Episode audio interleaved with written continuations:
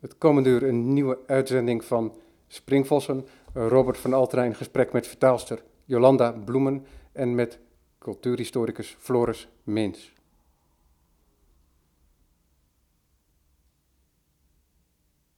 Het komende Springvossenuur is gewijd aan de gedichten van Pier Paolo Pasolini en wel uh, ter gelegenheid van het uitkomen van de bundel De Nachtegaal van de Katholieke Kerk um, gedichten vertaald door Jolanda Bloemen, die ik later in dit uur zal spreken. En van een nawoord voorzien door cultuurhistoricus Floris Meens. Um, Pier Paolo Pasolini, um, ik kwam hem als eerste tegen zelf als cineast. Acatone, de eerste film die ik zag en dat ook de eerste lange speelfilm die Pasolini zelf maakte, denk ik ook. Maar toen was hij al dichter, een schrijver, want Pier Paolo Pasolini heeft romans geschreven, heeft veel poëzie geschreven. Er is ook wel wat vertaald geweest. Ik geloof dat iets van de as van Gramsci is uh, tot tweemaal toe zelfs uh, uitgekomen. En nu is er dan de nachtegaal van de katholieke kerk. Floris Meens, het komende half uur spreek ik met jou. Maar eerst, jij bent cultuurhistoricus, ja. verbonden als universitair docent aan de Radboud Universiteit in Nijmegen. Ja, klopt. Wat is jouw mijn werk, link met jouw, jouw, jouw, werkterrein, want cultuurhistoricus, zo pleeg ik mezelf ook te noemen. Ja, maar dat breed, hè? Dat, kan, dat kan van alles betekenen. en dat, is uh, prettig, maar het is misschien ook prettig voor de luisteraar om te weten met wie zij te maken hebben. Ja, ik, mijn uh, vakgebied is eigenlijk vooral de 19e en de 20e eeuw. En ik ben ooit afgestudeerd op Pier Paolo Pasolini. Dus dat is eigenlijk de link die ik met hem uh, heb. Ja. En ik hou me voornamelijk bezig met het Van de. Maar op het moment dat Pasolini zich weer aandient, dan ben ik zielsgelukkig. Dus toen, uh, toen Ben van Meelik mij vroeg om een nawoord te schrijven bij deze vertaling... ja, kon ik mijn geluk niet op. Wat heb jij zelf bestudeerd toen met je afstuderen? Was dat zijn poëzie of was dat eh, het volledige artistieke bedrijf van Pier Paolo Pasolini? Beeld uh, en taal? Uh, in feite heb ik alle cultuuruitingen bestudeerd waar Pasolini zich in had bekwaamd. en meer in het bijzonder heb ik onderzoek gedaan naar de betekenis van de jongensfiguur in zijn werk. Ja. zowel in zijn films als in zijn gedichten als in zijn romans. Uh, en wat ik heb gedaan is dat ik niet alleen zijn eigen werk bestudeerd heb, maar ook heb geprobeer, geprobeerd in kaart te brengen uh, tot welke traditie Pasolini met zijn werk behoort. Heel vaak wordt er gezegd dat Pasolini hoort bij de neorealisten, dat klopt ook. Uh, maar tegelijkertijd, artistiek gezien, past Pasolini ook bij een traditie waarin de jongensfiguur, um, ja, de gedichten gaan daar ook voor een deel over, waarin de jongensfiguur wordt verheerlijkt. En ik heb gepro geprobeerd om niet alleen die artistieke kant te tonen van die verheerlijking, maar ook de politieke betekenis politiek en misschien ook sociaal-cultureel. Ja, zeker. Ja, ja, ja, absoluut. Ja. Goed, de gedichten. Ja. Deze bundel, De Nachtegaal van de Katholieke Kerk, is als zodanig ook uitgegeven in het Italiaans. Ja. En toch, weet je, bij mij is het zo, wat, wat maakt die overstap in dat werk dat hij naar de cinema gaat? Is dat een wegstappen van de poëzie of is het een voortzetting daarvan? Het is denk ik vooral een voortzetting. Uh, het werk van Pasolini heeft altijd zeer veel te maken met taal. Uh, en in zijn gedichten is hij eigenlijk voortdurend op zoek naar een eigen taal. Uh, daarin sluit hij ook mooi aan bij de symbolisten, die ook altijd zochten naar een heel uniek stemgeluid. En voor Pasolini speelt taal een belangrijke, maar ook moeilijke rol, omdat hij door zich eigenlijk in het Italiaans te gaan uitlaten in zijn gedichten, sluit hij aan bij de taal van de fascisten. En daar moet hij natuurlijk niks van hebben, want hij is bijzonder maatschappijkritisch. De fascisten die zo'n beetje in het zadel komen als hij geboren ja, wordt in 1922. Exact, ja, precies eigenlijk op dat moment. En um, voor hem is die Italiaanse taal dus mooi aan de ene kant, maar tegelijkertijd ook zeer problematisch. En hij blijft eigenlijk voortdurend in zijn oeuvre zoeken naar een taal die wel geschikt is om zich uit te drukken. Mag je daarin, dan onderbreek ik je eventjes, ja. maar uh, voor de achtergrond een beetje, uh, is het voor de mens denk ik ook handig om te beseffen dat Italië dan nog een hele jonge natie is als ja. zodanig. Want in 1871 Ja, worden de verschillende regio's met elkaar verenigd onder de noemer Italië. Dat het ook echt ja, uh, een centraal bestuurde natie uh, ja, zou, zou, moeten worden. Klopt, en tegelijkertijd zijn die regio's ook heel belangrijk gebleven. Dus het, het project hè, van het Risorgimento, dus de politieke eenwording van Italië, is weliswaar politiek geslaagd maar op cultureel gebied eigenlijk nauwelijks. En je ziet dan ook dat tot ver in de 20e eeuw die regionale culturele identiteit een hele belangrijke rol blijft spelen. En Pasolini heeft er in eerste instantie ook voor gekozen om zich in het dialect eigenlijk uit te drukken. Dus om, om uh, poëzie en proza te schrijven in de plaatselijke taal die hij gewend was. Um, maar gaandeweg kiest hij dan toch ook voor het Italiaans, omdat het Italiaans hem in staat stelt om uh, ja, zich over meer onderwerpen uit te laten. Maar tegelijkertijd is dat Italiaans dus ook ja, een, een, problematische taal. En uiteindelijk kiest hij denk ik ook voor de cinema, omdat die cinema een soort universele taal met zich meebrengt. Uh, ja, die door de hele wereldbevolking als het ware wordt gesproken. Uh, en die taal van de cinema, hij noemt het ook cinema del poesia, dus, dus echt een, een cinema van de poëzie die hij ook onderscheidt van de cinema van de proza. Dus dat, zit heel duidelijk een, een, tweedeling in. Maar die cinema van de poëzie, dat is eigenlijk de taal waar hij zich denk ik uiteindelijk het meest gelukkig bij heeft gevoeld.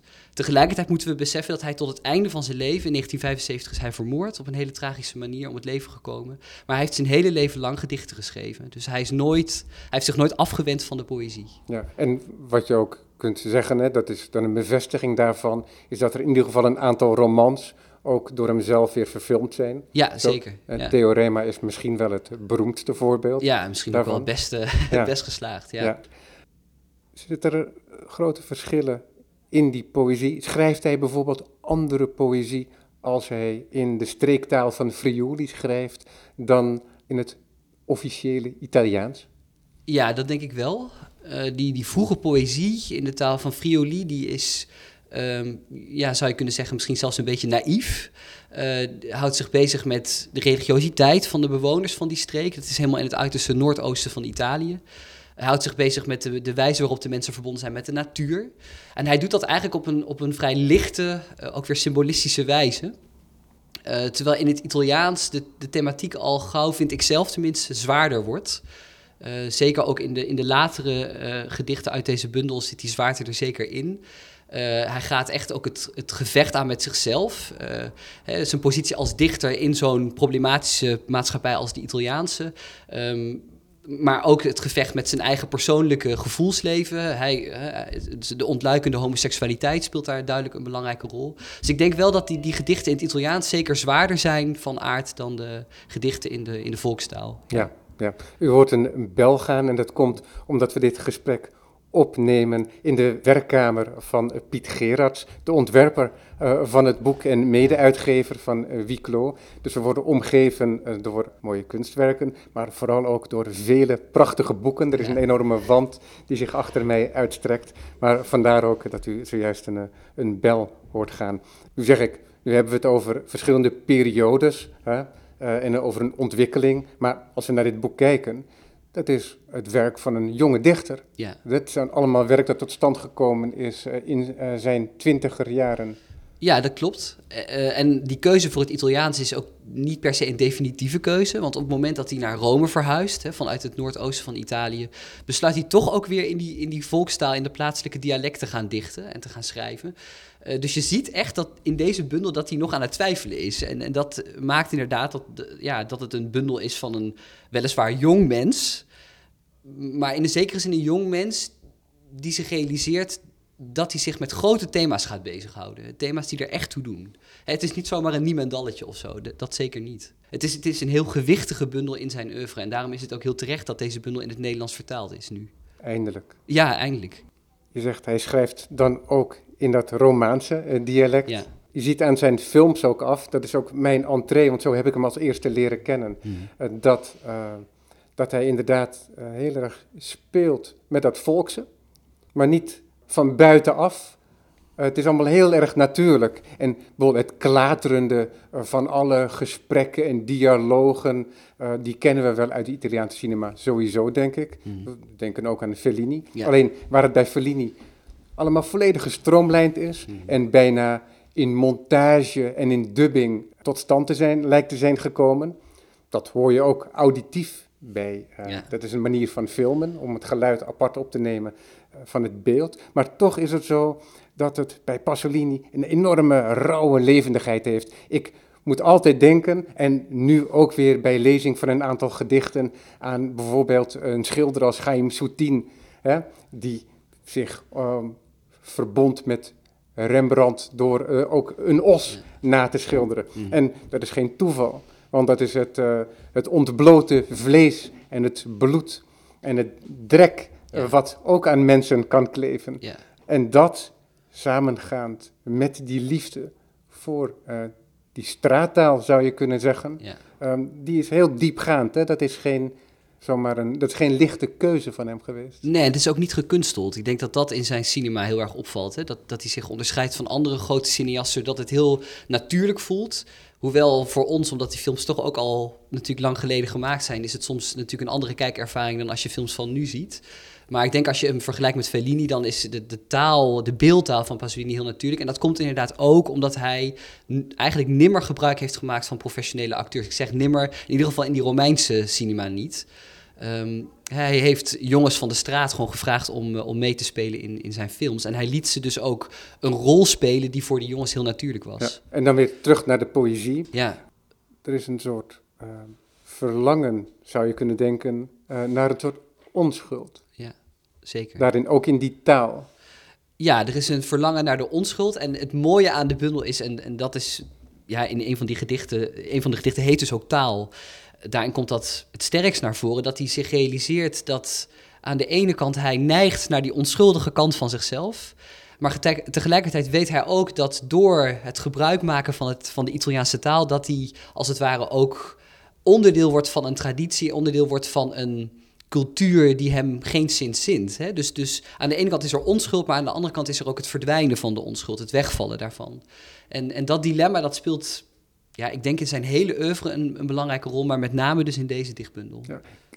Want hierin klinkt ook hè, dat existentialistische Ja. idee hè, dat iedereen in principe schuldig is Ja, aan, het kwaad dat de mensheid voortbrengt. Ja, daarin zit ook zijn diepe geloof. Hè? Dus hij, hij was natuurlijk sterk gelovig, een bevlogen katholiek. Ja, maar, hè, de- want, maar ik, ik doe dat expres, want waar het bij die, de existentialisten, wie dat dan ook waren, hè, Ja. maar dat is, eh, wordt over het algemeen ehm, in de westerse wereld toch als eh, humanistisch opgevat. Mhm. En er zit een hele mooie ambivalentie Mhm.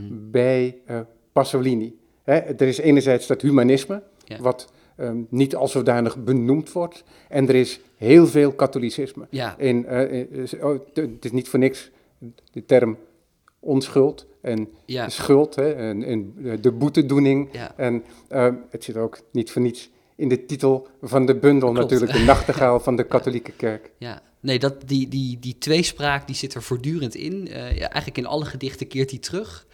Ehm, je noemt het humanisme. Dat is denk ik een hele goede term eh, voor het hele oeuvre van Pasolini. Want hij streeft naar een diepe menselijkheid. eh, waarin eigenlijk voortdurend de taak is van de dichter, de taak is van de cineast om het op te nemen ja, voor de kwetsbaarste mensen in de maatschappij. En daarin probeert hij ook een soort ja, synthese te bewerkstelligen tussen aan de ene kant het katholicisme, waarmee hij overigens zeker niet het katholicisme bedoelt van de katholieke kerk, hè, niet het geïnstitutionaliseerde katholicisme, maar het pure katholicisme. En aan de andere kant van die synthese dus ja, het Gramsciaanse denken, het marxisme, eh, ja, waarin natuurlijk ook het opkomen voor de, voor de zwakkeren in de maatschappij een belangrijke rol speelt. Je zou hieruit de conclusie kunnen trekken dat het een heel erg intellectueel spel is. En met een werkelijke inzet.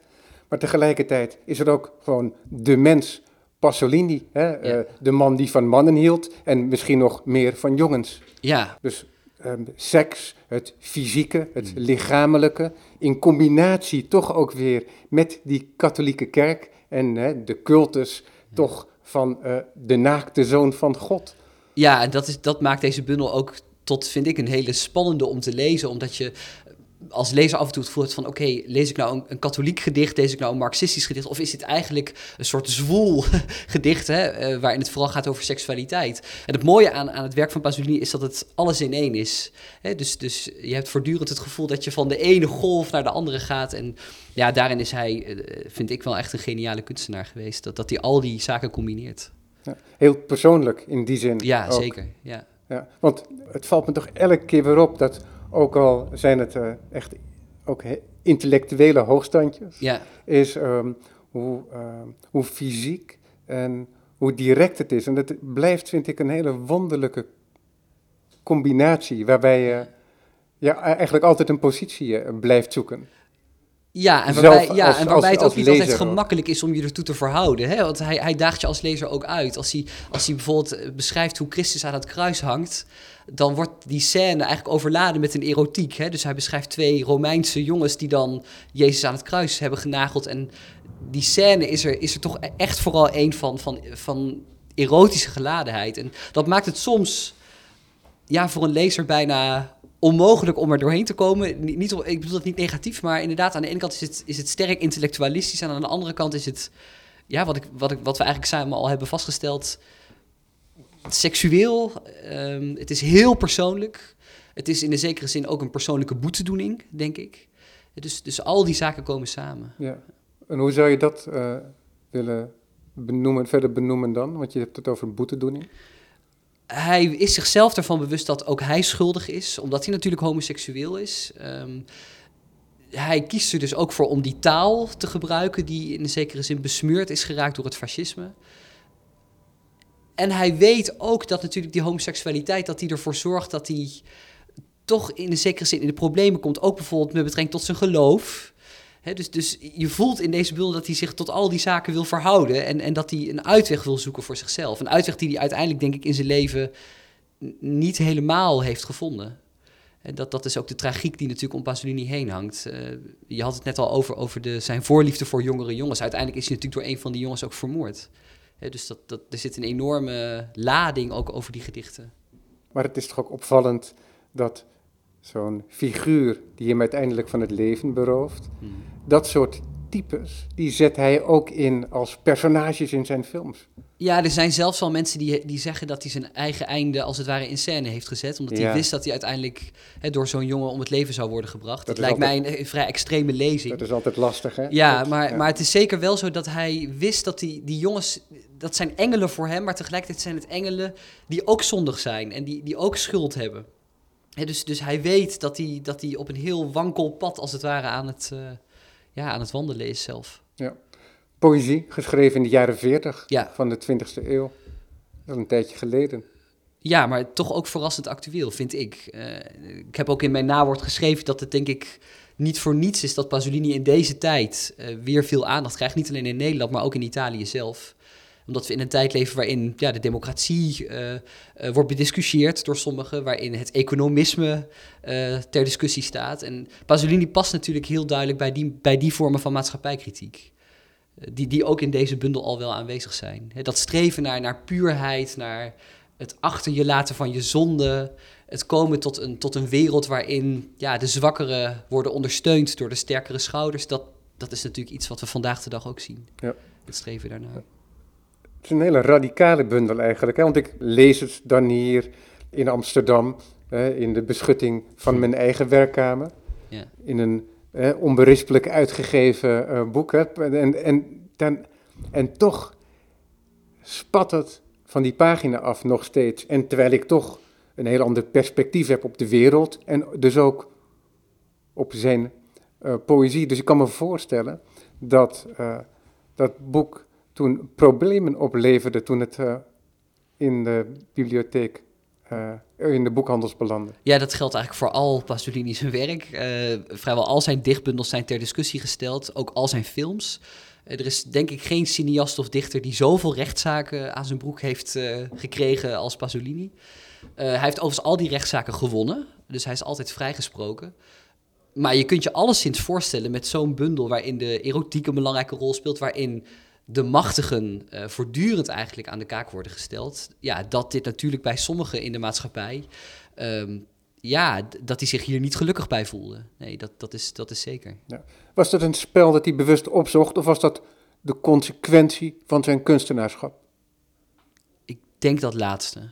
Ik, ik denk dat hij echt eh, een hele stellige overtuiging heeft gehad waar de maatschappij volgens hem naartoe moest. Het is ook niet voor niks zo dat op het moment dat hij constateert dat die jonge jongens in Italië zelf, in Rome, maar ook in Napels, als hij constateert dat die jongens ook besmeurd zijn geraakt hè, door het consumentisme, door de kapitalistische maatschappij, gaat hij naar Afrika, gaat hij naar India. Dus die, die zoektocht die heeft hij eigenlijk tot het einde van zijn leven gecontinueerd. Dus ik geloof niet dat hij gezien moet worden als een kunstenaar die ja, een soort van aandachtschel was en, en op die manier probeerde in het nieuws te komen. Hij heeft dat echt gedaan vanuit een oprechtheid. Ja. Wat is die onschuld? Ja, Want uh, formuleert hij ergens positief uh, wat een volwassen onschuldig leven zou kunnen zijn? Ik denk dat je voor die onschuld terug moet gaan naar toch die gedichten die hij in het begin van zijn oeuvre heeft geschreven, dus in Friuli. Waarin het dus gaat om een samenleving die eigenlijk bestaat uit boeren, waar de industrie nog geen rol speelt, waarin mensen persoonlijk contact hebben met elkaar, waarin moderne communicatiemiddelen vrijwel geen rol spelen, waarin de politiek ver weg is. Zo'n soort maatschappij. Uh, ja, waarin er sprake is van een ja, van, van ruimte, denk ik, van ademruimte, om, om te doen en laten wat je zelf goed dunkt. dat is interessant, hè? want dat is een bijna onaards uh, idealisme. Ja, het is, het is in de zekere zin ook een soort, je zou bijna zeggen, 19e, eeuws, 19e eeuwse romantiek. Hè? Het gevoel dat hij heeft dat hij niet meer mee kan in de maatschappij die hij om zich heen ziet. nee, maar het fascinerende eraan ook is dat contrast met dat hele fysieke ja, met het fysieke en tegelijkertijd vind ik zelf altijd een soort paradox dat het... Pasolini is een kunstenaar die terugverlangt naar een samenleving die er niet meer is. Maar ik denk dat er weinig kunstenaars... Of, en nooit geweest is wellicht. Precies, en tegelijkertijd zijn er weinig kunstenaars zich zo bewust van de wereld waarin ze leven. En ook zo daarbij betrokken. dus er zit, zit daarin ook een heel mooi, ja, mooi evenwicht, zou je kunnen zeggen, ja. in de bundel. Ja. Hangt dat dan ook samen met zijn, met zijn tijd? Ja, dat denk ik wel. De opkomst van de totalitaire ideologieën. Ehm, hij heeft natuurlijk om zich heen gezien dat de maatschappij in een, in een sneltreinvaart veranderde, ook na de Tweede Wereldoorlog. Uh, ook daarin, denk ik, de, de opkomst van de democratie, hè, die in, in allerlei verschillende maatschappelijke velden werd doorgevoerd. En die radicale veranderingen, die, die hebben hem gedwongen om zich daartoe te verhouden. Juist omdat hij natuurlijk altijd al moeite had met die maatschappij, moet hij voortdurend als er een verandering optreedt, ja, zichzelf opnieuw de vraag stellen: hoe wil ik mij hier als mens, als dichter, als kunstenaar, als, als cineast toe verhouden? ik stel die vraag ook omdat, um, kijk, in Nederland was het ook zo dat er in de Tweede Wereldoorlog, hè, tijdens de Tweede Wereldoorlog al plannen werden gesmeed om een ander Nederland te creëren na die Tweede Wereldoorlog. In Italië was dat nog veel radicaler, zoals dat ook het geval was in Spanje en in Duitsland en Oostenrijk. Dat er een dictator ja, om zeep was geholpen en een einde aan het uh, regime uh, was gebracht. Mhm. En dat er dus een heel groot verlangen was, een veel radicaler verlangen, naar een andere maatschappij. En die op een bepaalde manier ook al geconcretiseerd leek, ook al was die maatschappij nog steeds diezelfde maatschappij die ook daar was ten tijde van zo'n dictator, en in dit geval dan Mussolini. En dat, dat laatste realiseert hij zich ook. Dus, dus hij maar, ziet maar, maar, dat, maar, dat, maar dat vraagt heel vaak, zie je dat dat hele sterke reacties oproept ook. Hè? Want je ziet het in Oostenrijk ook, ja. waarbij de verwerking van die Tweede Wereldoorlog en het bewust worden, het openlijk bewust uh, worden van die positie, dat die nauwelijks bediscussieerd is. En dat dat in de kunsten in de, in de, persoon, eh, in de personifiering van Haneke en Elfriede Jelinek, ja. vrij radicale uitingen kan veroorzaken. Dus in die zin zag ik dan ook, stelde ik dan die vraag van, ja, misschien is hij in die zin, in zijn radicaliteit, ook wel een exponent van zijn tijd. Ja, zeker. En, en hij heeft dat ook gezien, hè? Dat, dat de kunstenaar die taak in Italië wel moet hebben, omdat Italië na de Tweede Wereldoorlog eigenlijk onvoldoende afrekent met dat duistere verleden. Dus, dus hij is natuurlijk ook persoonlijk meerdere malen geconfronteerd met de neofascisten. Hij ziet duidelijk ook verbanden, of die er nou zijn geweest of niet, maar hij zag ze tussen de neofascisten en de katholieke kerk. Dus een echte afrekening moet eigenlijk nog plaatsvinden. En de kunstenaar heeft daar een, een, een belangrijke rol in te spelen. Pa Pasolini gelooft ook werkelijk dat de poëzie, en daarin is hij natuurlijk echt een modernist, dat de poëzie een bijdrage kan leveren aan de verandering in de maatschappij. Het is een paar jaar geleden alweer, hè? zeker tien jaar geleden, dat jij je scriptie schreef. Ja. Je bent inmiddels gepromoveerd, weliswaar niet op Pasolini, maar je bent nu weer teruggekeerd bij Pasolini voor het schrijven van je nawoord. Is die veranderd in jouw blik? Ja. Ehm, voor mij was Pasolini, toen ik mijn scriptie schreef, een, ja, een goede cineast. Uh, iemand die mij vooral fascineerde omdat hij werkzaam was geweest in Rome in een bepaalde periode. Um, omdat hij geprobeerd had om die jongeren, als het ware, een rol te geven in zijn films. En pas later, eigenlijk toen ik afgestudeerd was en meer op mijn gemak zijn werk ging lezen, realiseerde ik me ja, hoe groot, omvangrijk en diepgaand dat oeuvre is. En nu eigenlijk weer met deze vertaling. Het is toch anders als je een, een dichtbundel in je eigen taal kunt lezen dan in het Italiaans, tenminste voor mij. En dan zie je ja, hoe gelaagd en knap dat werk in elkaar zit. Dus mijn, mijn bewondering voor hem is eigenlijk alleen maar toegenomen. Floris Meens, uh, dankjewel. Ik ga het gesprek uh, voortzetten dan met uh, Jolanda Bloemen. die, ik introduceer haar ondertussen terwijl er van stoelen wordt gewisseld. Jolanda Bloemen is vertaalster, ook uitgeefster en toch wel ook een gerenommeerd vertaalster. Um, je hebt met Marga Wiebes regelmatig werk vertaald, onder andere de veelgeprezen Tolstoy-vertaling, Oorlog en Vrede. Maar je bent ook vertaal, vertaalster uit het Italiaans. Een aantal eh, boeken mogen vertalen. Ik heb iets gedaan aan Ita Italo Svevo. Eerder uh, poëzie vertaald van Umberto Saba, uh, D'Annunzio. En um, Italo Svevo, de autobiografische geschriften. Ja, en toch ook wel vele tijden doorgebracht met Tsjechov nog in het Russisch.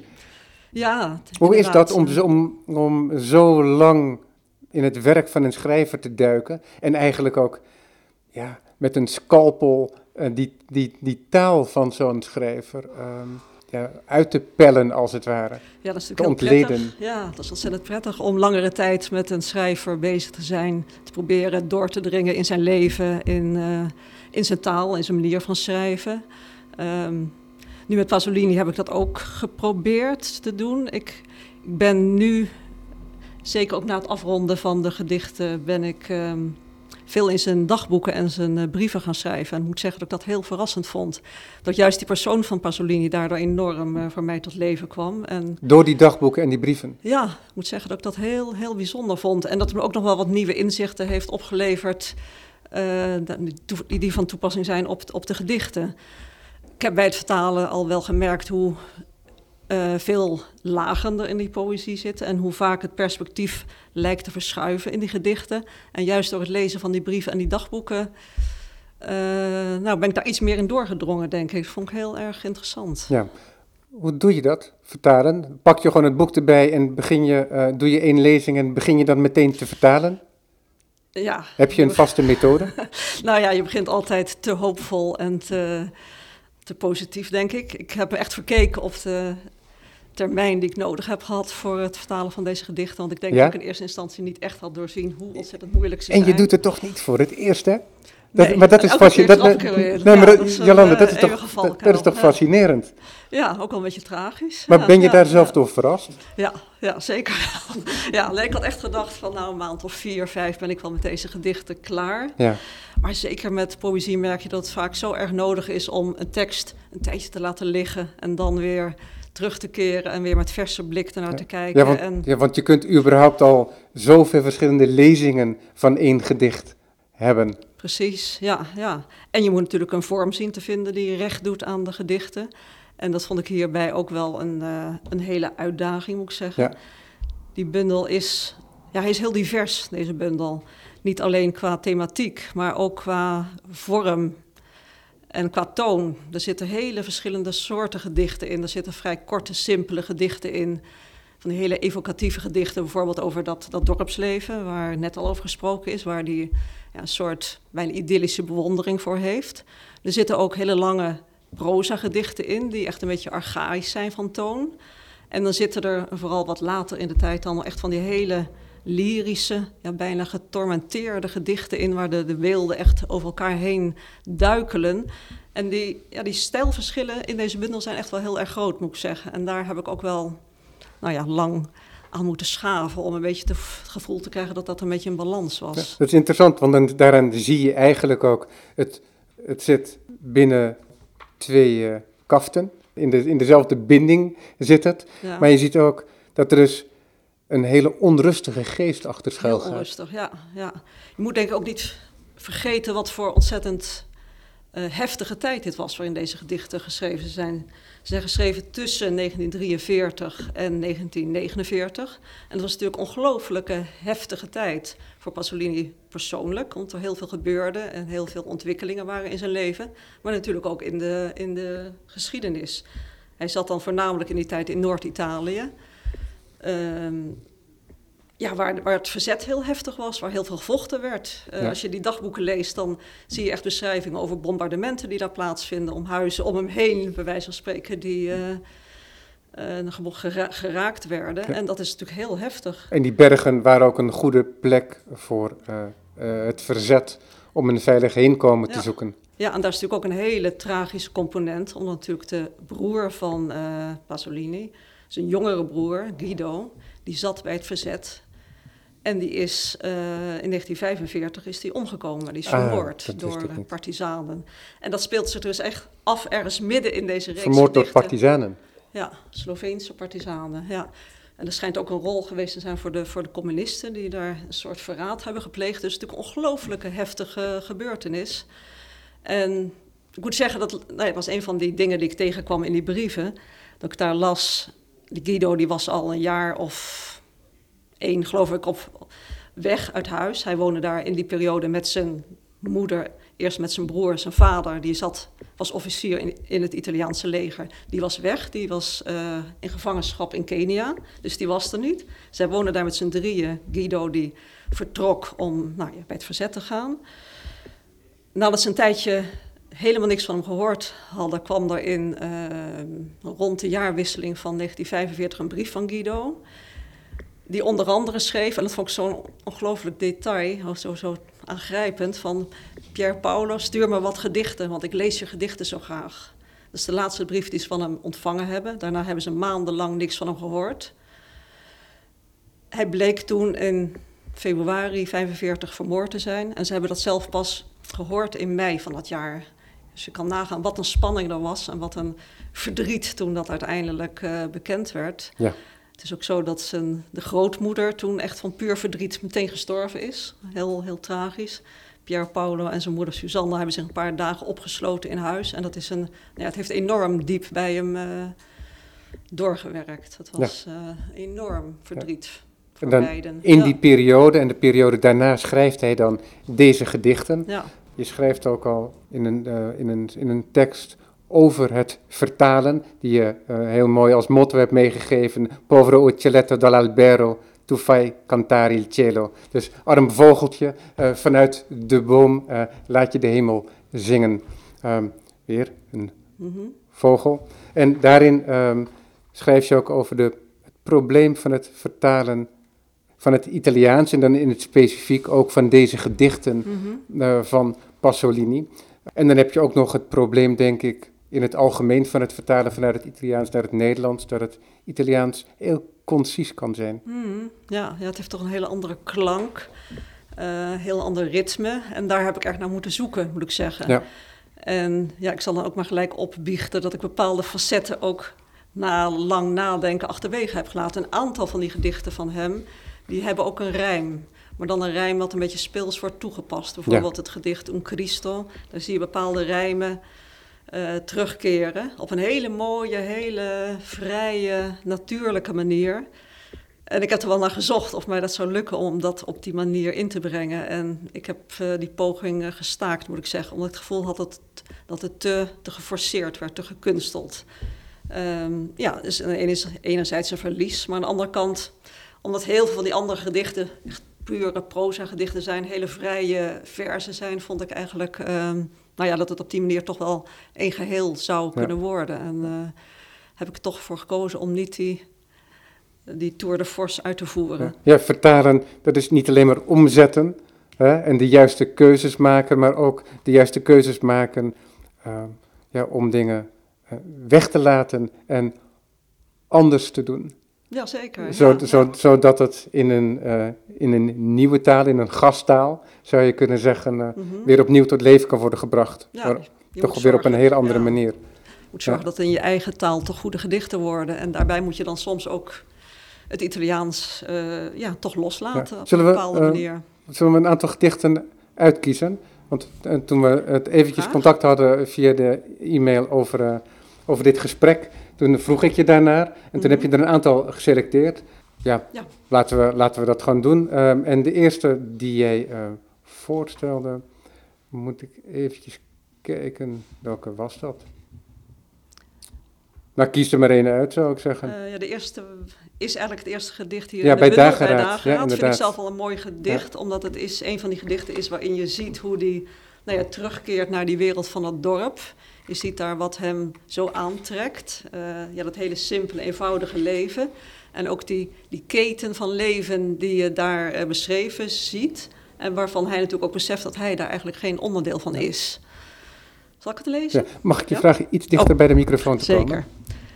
Bij dageraad. Het is nog donker, arme oude vrouwen. De dageraad maakt jullie gezichten bleek als was. Slechts drie, vier jonge knapen kwamen naar de kerk met jullie mee. Waar bleven ze? De jaren die het lichaam van deze jongens scheiden van dat van hun vaders. Jij, Domenico, zoon van Stefano, smeek niet met de kleur van die ogen die me doet beven als ik ze tel in jouw schoot de mannen van jouw bloed die hier knielden om te bidden. Kleine dienaar, het lichaam van je vader, de lippen van je vader, de borst van je vader. Welke dood klinkt mee in jouw gezang, welk leven in jouw stille niet zijn. In deze jongens ontwaar ik de lach van hun doden, wanneer ze naar de kerk kwamen en zingend geloofden onsterfelijk te zijn. Maar nee, Vervlogen jaren zijn in het dorp nooit werkelijk voorbij.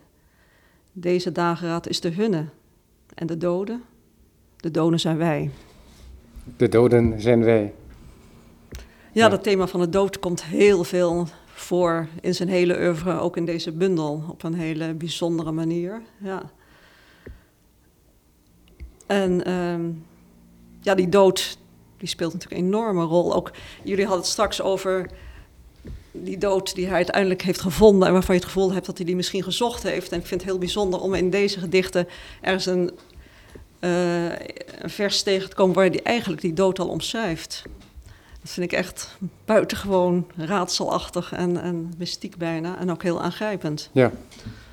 In het gedicht eh, Vroeger leven. Ja. Die ehm, bundel die kent een volgorde. Vertaal jij ook in die volgorde? Nee, ja, maar je maakt natuurlijk nooit één gedicht helemaal af en gaat dan door naar het volgende. Nee, maar begin je aanvankelijk wel zo? Oh, dat aanvankelijk wel. Maar dit is natuurlijk ook nog een keuze uit meerdere gedichten. Hè? Ja. De Italiaanse bundel kent meer gedichten dan Ja. deze. Het is een keuze. Ja. Is dat moeilijk om die keuze te maken? Pro- probeer je een mooie nieuwe bundel te maken? Of probeer je hem representatief te laten zijn voor onze tijd?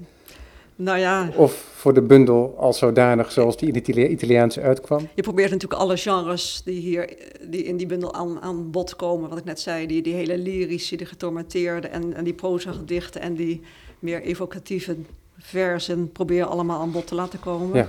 En daarna kies je natuurlijk wel ook stiekem een beetje je eigen favorieten. Dat is natuurlijk ook wel fijn. Ja. Ja. Want eh, het contrast is groot, hè, want de, deze tekst die je eh, zojuist eh, voordraagt, die, het is een, als een prozatekst, hè, zo Mhm. staat hij ook op de, op de pagina. ja. Ehm, schreef je dat allemaal door elkaar? Hoe bedoel je? Nou, met, met wat een traditioneler eh, gezien eh, herkend zou kunnen worden als poëzie en bijvoorbeeld zo'n proza-gedicht. Schreef jij dat allemaal door elkaar heen of eh, had hij echt verschillende periodes? Hij. Je Ja, het over. Nee, sorry, ik verstond jij. Ja. Ja. ja, dat weet ik eerlijk gezegd niet. Hoe Ja. hij dit precies... of hij nog lang bleef werken aan bepaalde gedichten. Of hij ook dingen weglegde en ze later weer ter hand nam. Daar heb ik eerlijk gezegd geen inzicht in. Nee, dat weet ik niet. Eh, Floris, Hm? Ze staan volgens mij chrono- chronologische volgorde. Ja, nee, maar of die nog... Ik denk dat hij ze ook zo geschreven heeft. Ah ja, ja. Floris Ja. Meens, die, die spreekt buiten het bereik van de microfoon, daarom herhaal ik het even. Ehm, die eh, spreekt het vermoeden uit dat het waarschijnlijk is dat eh, de gedichten zo eh, in de bundel zijn gekomen, Italiaans althans. ze- in het Italiaans eh, zoals ze ook eh, geschreven zijn.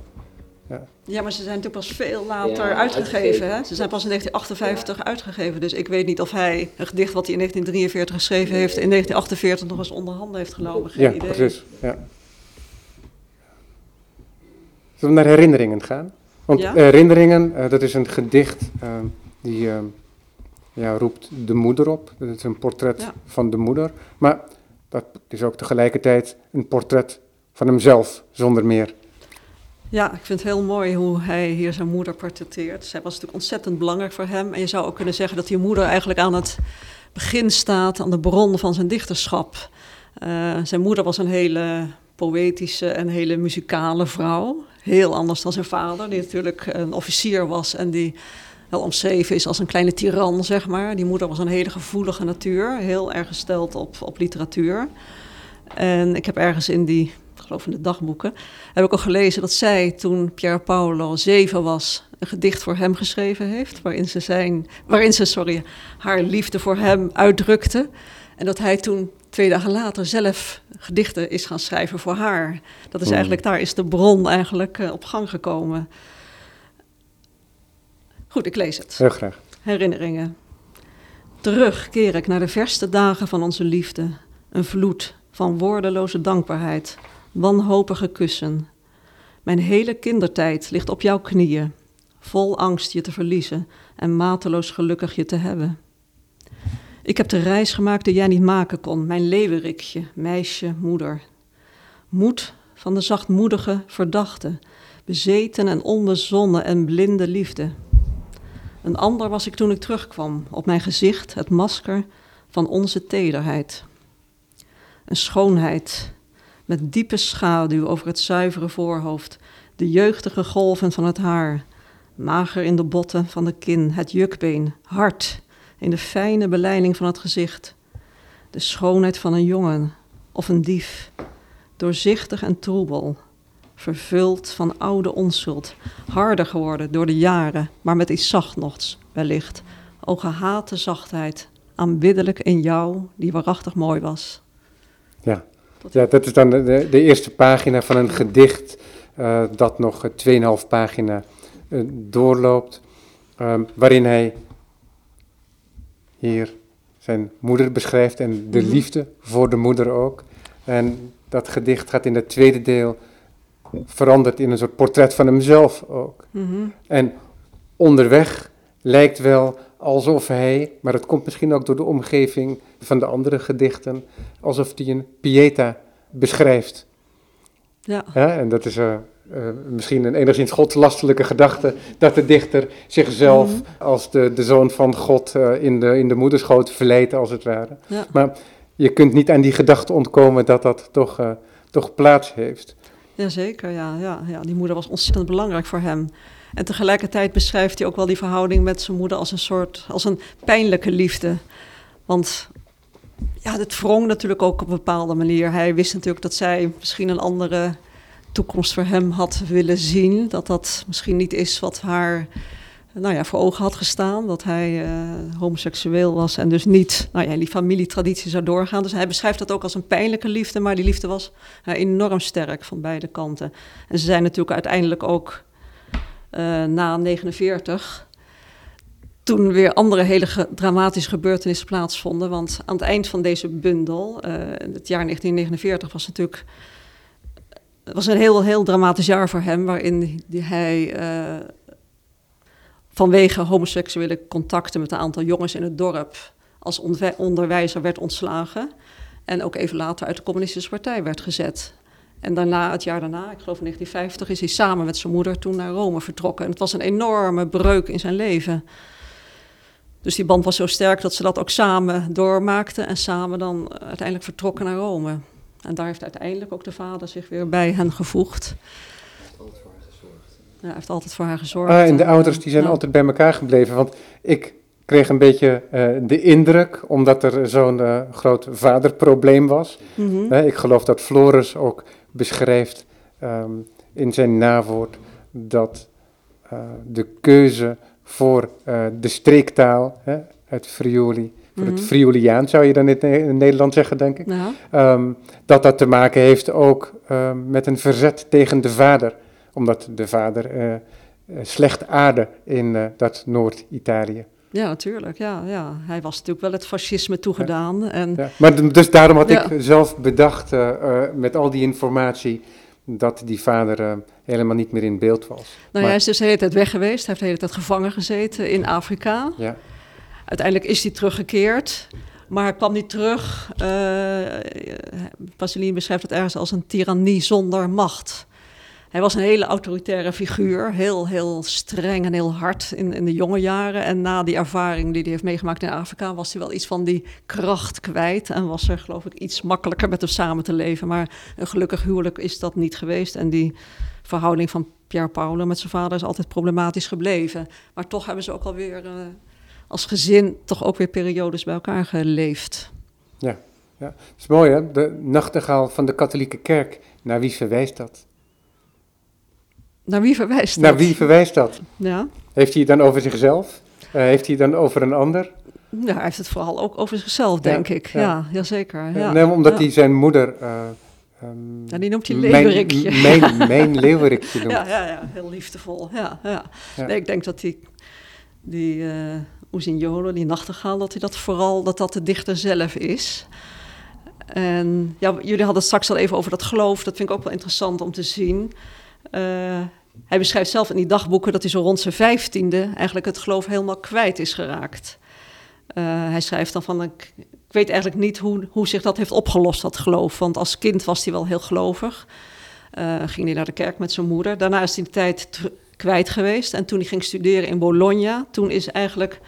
Toen hij dus zoekende was naar, nou ja, naar het andere Italië, zeg maar. Dat, dat dorpse Italië, dat niet-fascistische, niet-Rome-Italië van de fascisten, zeg maar. Toen is hij toch ook weer teruggekeerd naar die katholieke kerk. Maar op een andere manier, schrijft hij zelf. Eh, het ging hem ja, voor een deel ook wel om de vorm. Hij ging heel graag in die, die kerk in Casarsa, dat dorp waar hij woonde in die tijd, eh, luisteren naar die gebeden. Hij stond dan vaak daar bij de ingang van de kerk stond hij te luisteren. Die geur van wierook vond hij heel, heel plezierig. Het was meer, ja, het was voor een deel echt de beleving van de vorm, meer dan dat hij nou echt zo heel diep geloof, gelovig was of echt helemaal in dat geloof opging, denk ik. Maar hij, maakt er, hij blijft er ontzettend gebruik van maken. Zeker, ja, het speelt echt een grote rol in zijn beleving. Ja, zeker, ja. Maar je kan zeggen, dat doet hij eigenlijk met alle grote verhalen. Want hij gaat ook met Medea er vandoor in zijn, eh, in Mm. zijn cinema. Ja, nee, Ja. hij gebruikt dat beeld. Het was een beeld wat hem zelf fascineerde. En als je bijvoorbeeld kijkt naar De, het... de, de moeder die de eigen kinderen van het leven berooft. Dat moet dan Ja, ja. wel gezegd worden. Ja, ja, zeker. in dit ja, verband. Ja, ja. Nee, maar goed, dat beeld van de gekruisigde Christus was iets wat hem fascineerde en wat hem ook al langere tijd gefascineerd heeft. En dat vond ik ook wel bijzonder in, eh, in die dagboeken, die Quaderni Rossi heette die, die dagboeken die hij schrijft zo als hij eh, nou, rond de twintig is. Daar beschrijft hij ook dat dat beeld van die kruisiging, van die jongen, jonge man aan het kruis, dat hij dat als jonge jongen, hij zegt zelf voor de puberteit al als een soort fantasie eh, had. Dat hij dat voor ogen zag en dat dat een grote rol in zijn leven speelde. Ja, was dat dan zuiver erotisch? Nou, ik kan wel even een citaat voorlezen als je Ja, wil. Ik heb het meegenomen, wat ik eigenlijk wel heel interessant vond. Dus uit zijn dagboeken, maar hij beschrijft dan wat hij dus als jonge jongen meemaakte. En hij schrijft dan, dit was de fantasie die ik had. Ik zag de beeltenis van de gekruisigde Christus voor me. Het naakte lichaam, nauwelijks bedekt door een vreemde doek om de lendenen, wekte bij mij ongeoorloofde gedachten, zei het niet openlijk. Daarna volgde bij mij het verlangen Jezus na te volgen, in zijn offer voor de andere mensen en veroordeeld en onschuldig ter dood gebracht te worden. Ik zag mijzelf, hangend aan het kruis, vastgenageld. Mijn heupen waren enigszins bedekt door een lichte strook stof en een grote menigte keek naar me. Deze publieke marteling werd uiteindelijk tot een zinnelijk beeld. Ja. Dus dat is wel heel interessant als je dat gedicht de Passies leest. Inderdaad, dat perspectief verschuift. Je weet niet zeker wat hij daarna beschrijft. In eerste instantie denkt hij dat hij Christus beschrijft. Maar als je dit soort dingen ook leest en ook sowieso op grond van het gedicht zelf, denk ik ook vaak dat hij eigenlijk zichzelf daar beschrijft. Ja, ja want dat is in dat gedicht, de, de, de passies, is dat een beetje een soort sluipende eh, transformatie. Hè, want Ja. je wordt er opeens mee geconfronteerd. En dan ging ik teruglezen, of Mhm. heb ik een passage gemist? Ja. Maar ja, dat is het spel van de suggestie. Ja, ja, ook precies. dat dat niet eh, gedefinieerd wordt uiteindelijk. Het is het Mhm. alle twee Ja, dan waarschijnlijk. heel noodzakelijkerwijs, denk ik. Ja, ja.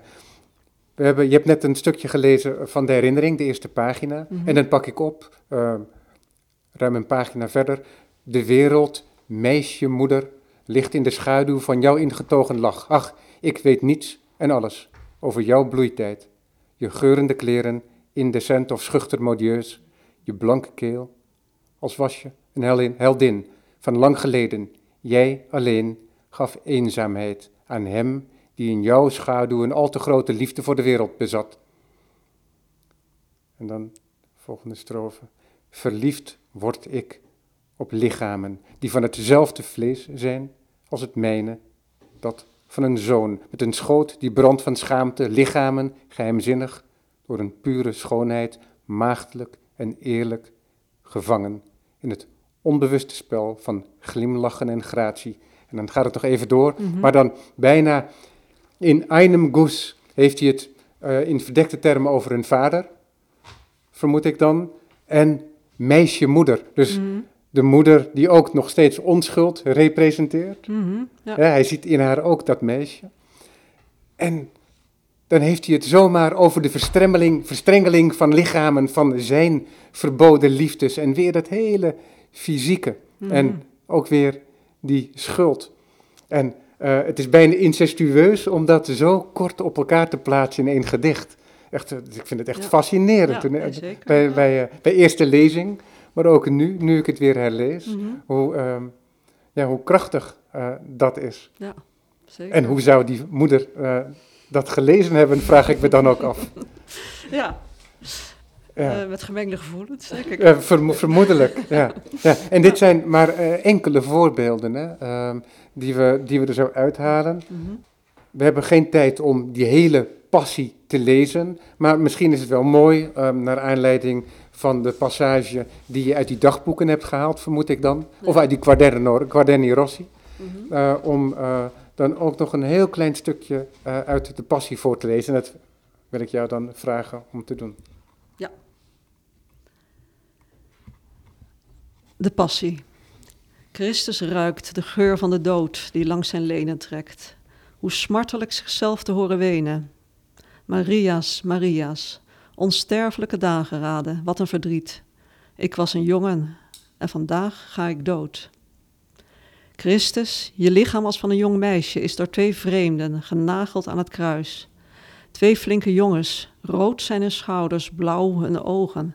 Ze slaan de spijkers en de lendendoek trilt rond uw buik.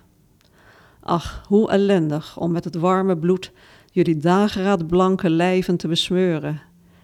Kinderen waren jullie, en om mij te doden, ach, al die dagen van onschuld en van vrolijk spel. Tja. Je kunt je niet aan de indruk onttrekken dat, eh, hè, maar je hebt het al gezegd dat hij eh, zichzelf identificeerde, ook met die Christusfiguur. En dan die jongens erbij. Mhm, Dat ja, is, die ehm, kijken. Ja. Ja, maar dat, dat, dat voortdurende kantelen van het beeld van een soort objectief religieus beeld, dat we allemaal kennen, al die verhalen, Mhm, en die verdraaiing naar zijn eigen leven toe. Maar dat is geen directe spiegeling, hè, maar het, is allemaal, eh, het zijn allemaal fracties ja, die, ja. we, die, we, die we krijgen. En Ja. die uiteindelijk, zou je kunnen zeggen, zijn poëzie uitmaken. Zonder meer, ja. En die jij, Bloemen, dan weer moet proberen tot een eenheid te smeden in de Nederlandse taal. ja, ja, nee, Ja. zeker. Ben je blij dat, eh, dat, het, eh, dat het gedaan is? Ja, ik ben heel blij dat het gedaan is en dat het boek er is. Ja, zeker. Ja. Ja, En ik moet zeggen dat ik ook daardoor nog meer zin heb om, om meer te lezen en te gaan zien weer opnieuw van Pasolini. is die poëzie anders voor jou nu, eh, nu het af is en in dat boek zit? dan- dan op voorhand? Ik ontdek er steeds meer in, moet ik zeggen. Ja, ja. En dat zal nog even doorgaan, neem ik. Ondanks al die tijd die je er al mee Ja. hebt doorgebracht. Zo kan je maar zien hoe eh, tijdrovend. Ja. Ja. Ja, Jolande Bloemen, dankjewel. Uh, dank ook voor je prachtige vertaling. De Nachtegaal van de Katholieke Kerk, prachtig uitgegeven door uitgeverij uh. Uh, vertaald dus door Jolande Bloemen en van een nawoord voorzien door cultuurhistoricus Floris Menen.